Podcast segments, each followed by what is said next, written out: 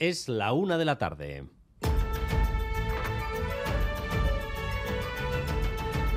Crónica de Euskadi con Dani Álvarez. A Rachaldeón, aprobadas las nuevas medidas contra el alza de los precios. Se confirma el giro en las ayudas. Tras cuatro meses consecutivos de bajada de la inflación, el Gobierno de España deja de centrarse en la energía y apunta a los dos focos críticos ahora para las familias, la vivienda y la alimentación. Llega, por tanto, el final del descuento universal al combustible y se pone límite al alza de los alquileres. Además, se va a aprobar el cheque social para alimentos destinado a las familias vulnerables. El presidente del Gobierno está explicando estas medidas pactadas con Unidas Podemos en el Consejo de Ministros Moncloa y Zaro Bazarrachaldeón.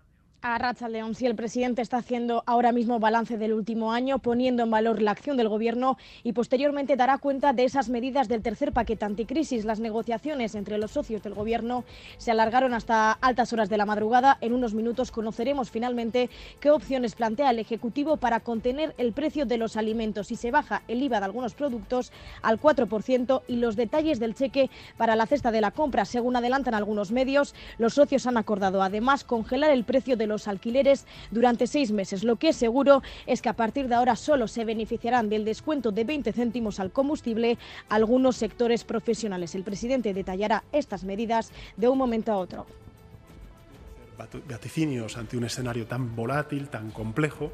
Es verdad, como he dicho antes, que la mayoría de los organismos nacionales e internacionales predicen que España será una... Señala en directo desde la Moncloa, Pedro Sánchez interviniendo ante los medios de comunicación. Enseguida vamos a regresar ahí. Pero antes, un dato que nos deja esta mañana.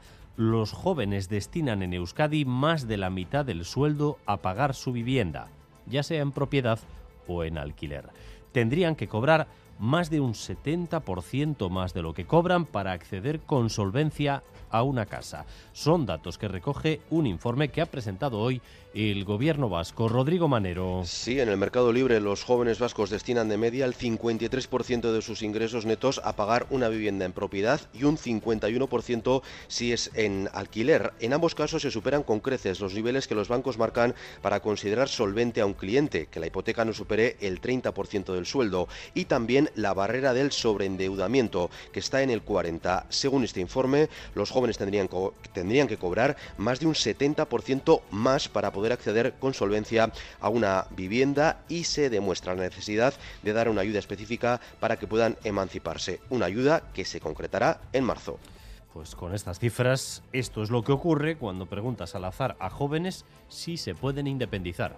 Pues tengo 28 años y no, no estoy emancipada. Tengo 22 y no estoy independizado. A mis 26 años ya tengo como 3 años de haber salido de casa. Tengo 24 años y aún no he logrado emanciparme. Y concentración multitudinaria en Donostia para rechazar el homicidio de Lucas Aguirre. La madre y las hermanas del chico han estado presentes. David Beramendi. Sí, ha sido una de las concentraciones más multitudinarias de los últimos años aquí en San Sebastián. No se, no se recordaba algo parecido quizás desde la muerte de otro joven, Santicoca. Cientos y cientos de personas han abarrotado al Derdieder y entre ellos la madre y los hermanos de Lucas Aguirre. La madre con dos rosas blancas en las manos, todos, madre y hermanos, rotos de dolor y entre lágrimas. Junto a ellos los alcaldes de San Sebastián y Hernani, los presidentes del Parlamento Vasco y las juntas guipuzcoanas y varios representantes de la Diputación. Cinco minutos en silencio que acababan con estos aplausos.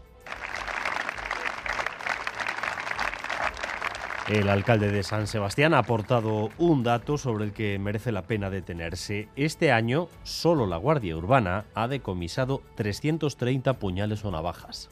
En lo que va de año, se han decomisado 330 armas blancas solo por parte de la Guardia Municipal. Esto se hace. Y si hay que hacerlo con mayor contundencia, pues lo haremos. Es que me parece incomprensible eh, existan comportamientos como estos o el mero hecho eso de que una persona salga no sé, de fiesta o a lo que sea con un arma blanca. O sea, esto no es normal y es delito además.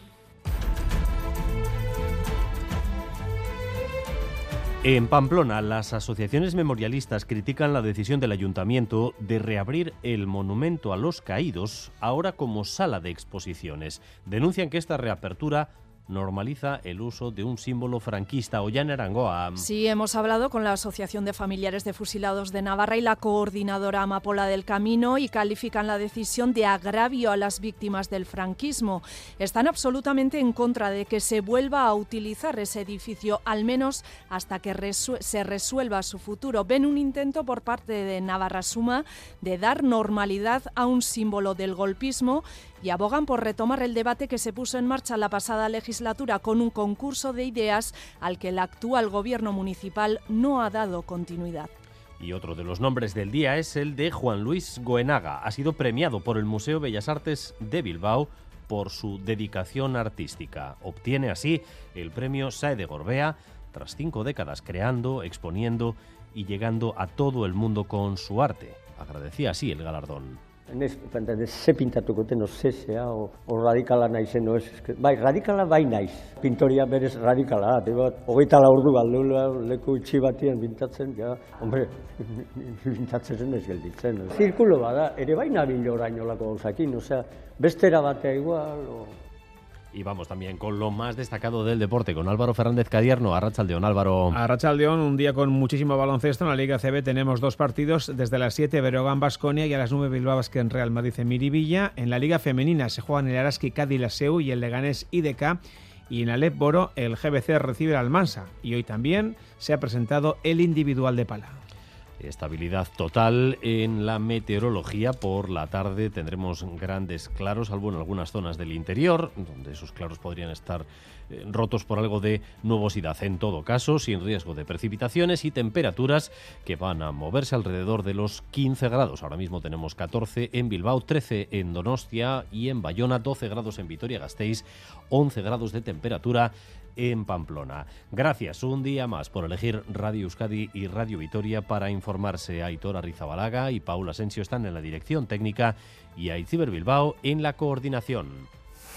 Crónica de Euskadi con Dani Álvarez.